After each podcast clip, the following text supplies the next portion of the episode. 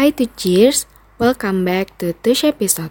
Tush episode, touching you in every episode. To cheers, kalian gimana nih kabarnya? Semoga sehat selalu ya. Baik lagi nih sama aku. Aku Rushda, kali ini bakal bawain segmen Crime Time. Ayo siapa nih yang kangen sama segmen Crime Time? Oh iya, sebelumnya untuk tuh cheers sekalian yang lagi dengerin, aku mau ngingetin nih, kalau segmen kali ini kan crime time. Bahasan kali ini mengandung konten yang sensitif dan bisa jadi mengganggu bagi sebagian pendengar. Untuk itu, kalau pendengar merasa kurang nyaman dengan hal-hal yang berbau sadis, lebih baik dibuang dulu ya rasa penasarannya. Buat yang mau lanjut dengerin, siapin mental dulu ya.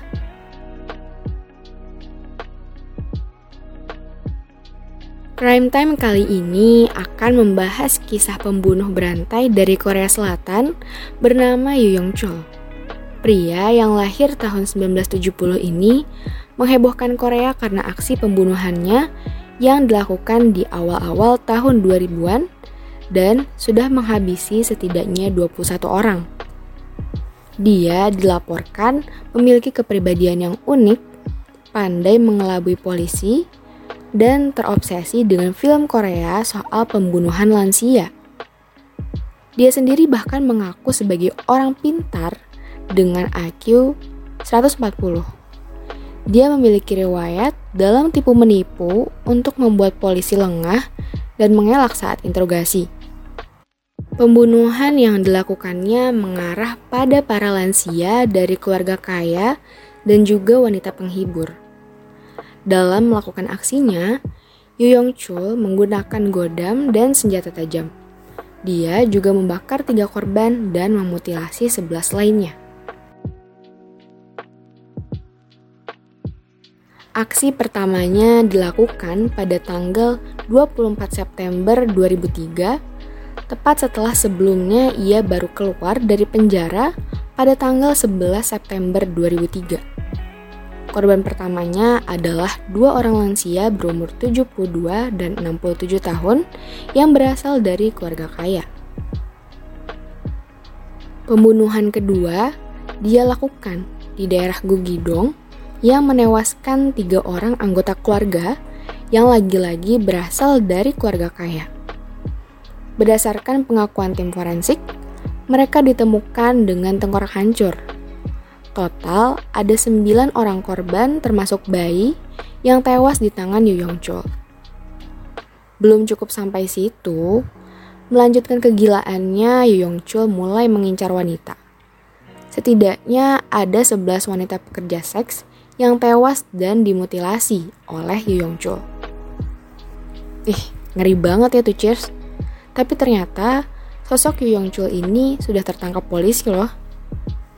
Tertangkapnya sosok Yong Chul pertama kali melalui CCTV di sekitar lokasi kediaman korban, tepatnya korban keempat.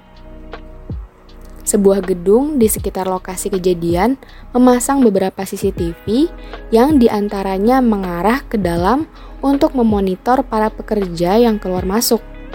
Namun, tiba-tiba ada sesosok pria yang tak sengaja terekam berjalan membelakangi kamera.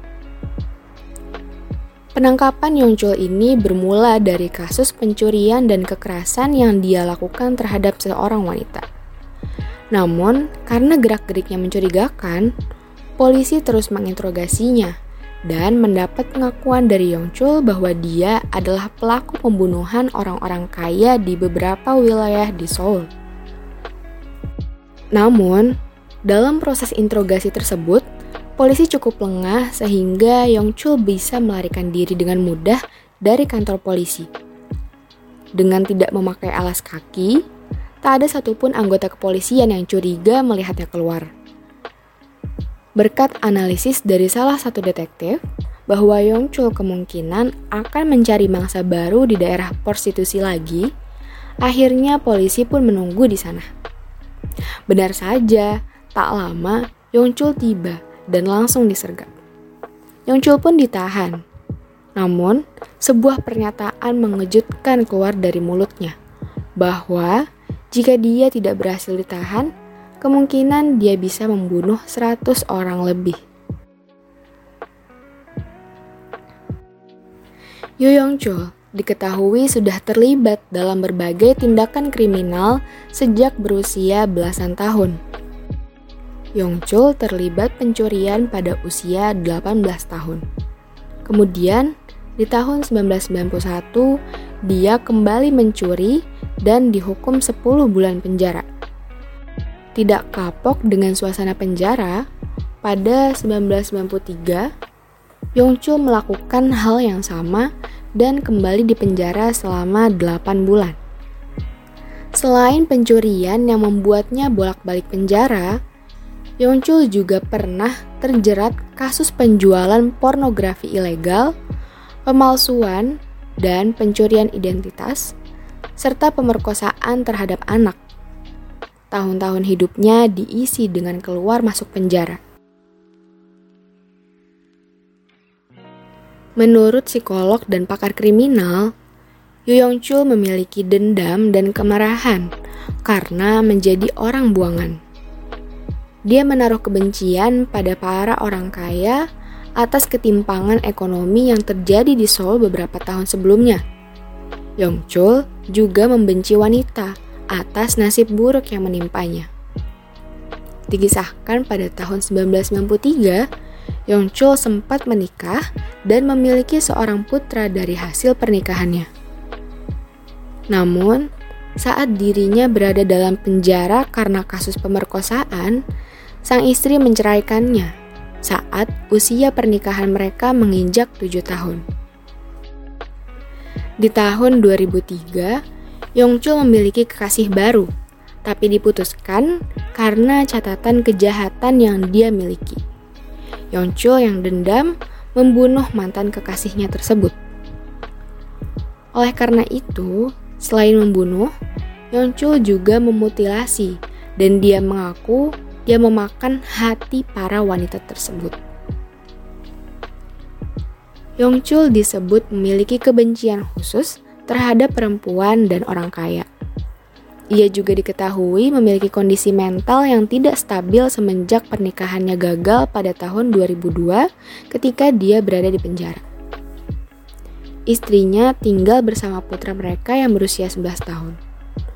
Polisi mengatakan, Yongchul telah mencoba bunuh diri sebelum dia ditangkap dan ratusan pil tidur ditemukan di tasnya.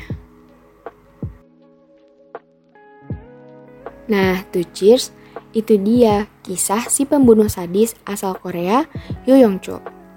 Dari mulai aksi-aksi yang telah diluncurkannya, bagaimana proses ia tertangkap, sampai penjelasan pakar mengenai latar belakang atau motif kejahatan yang dilakukannya, yaitu antara lain karena kebencian dan rasa sakit hati. To cheers, jangan pernah bosan untuk berbuat baik pada sesama ya.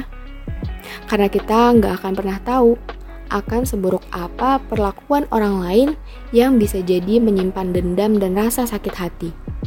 Dan jangan lupa untuk selalu tetap waspada dan meminta perlindungan di mana pun kalian berada.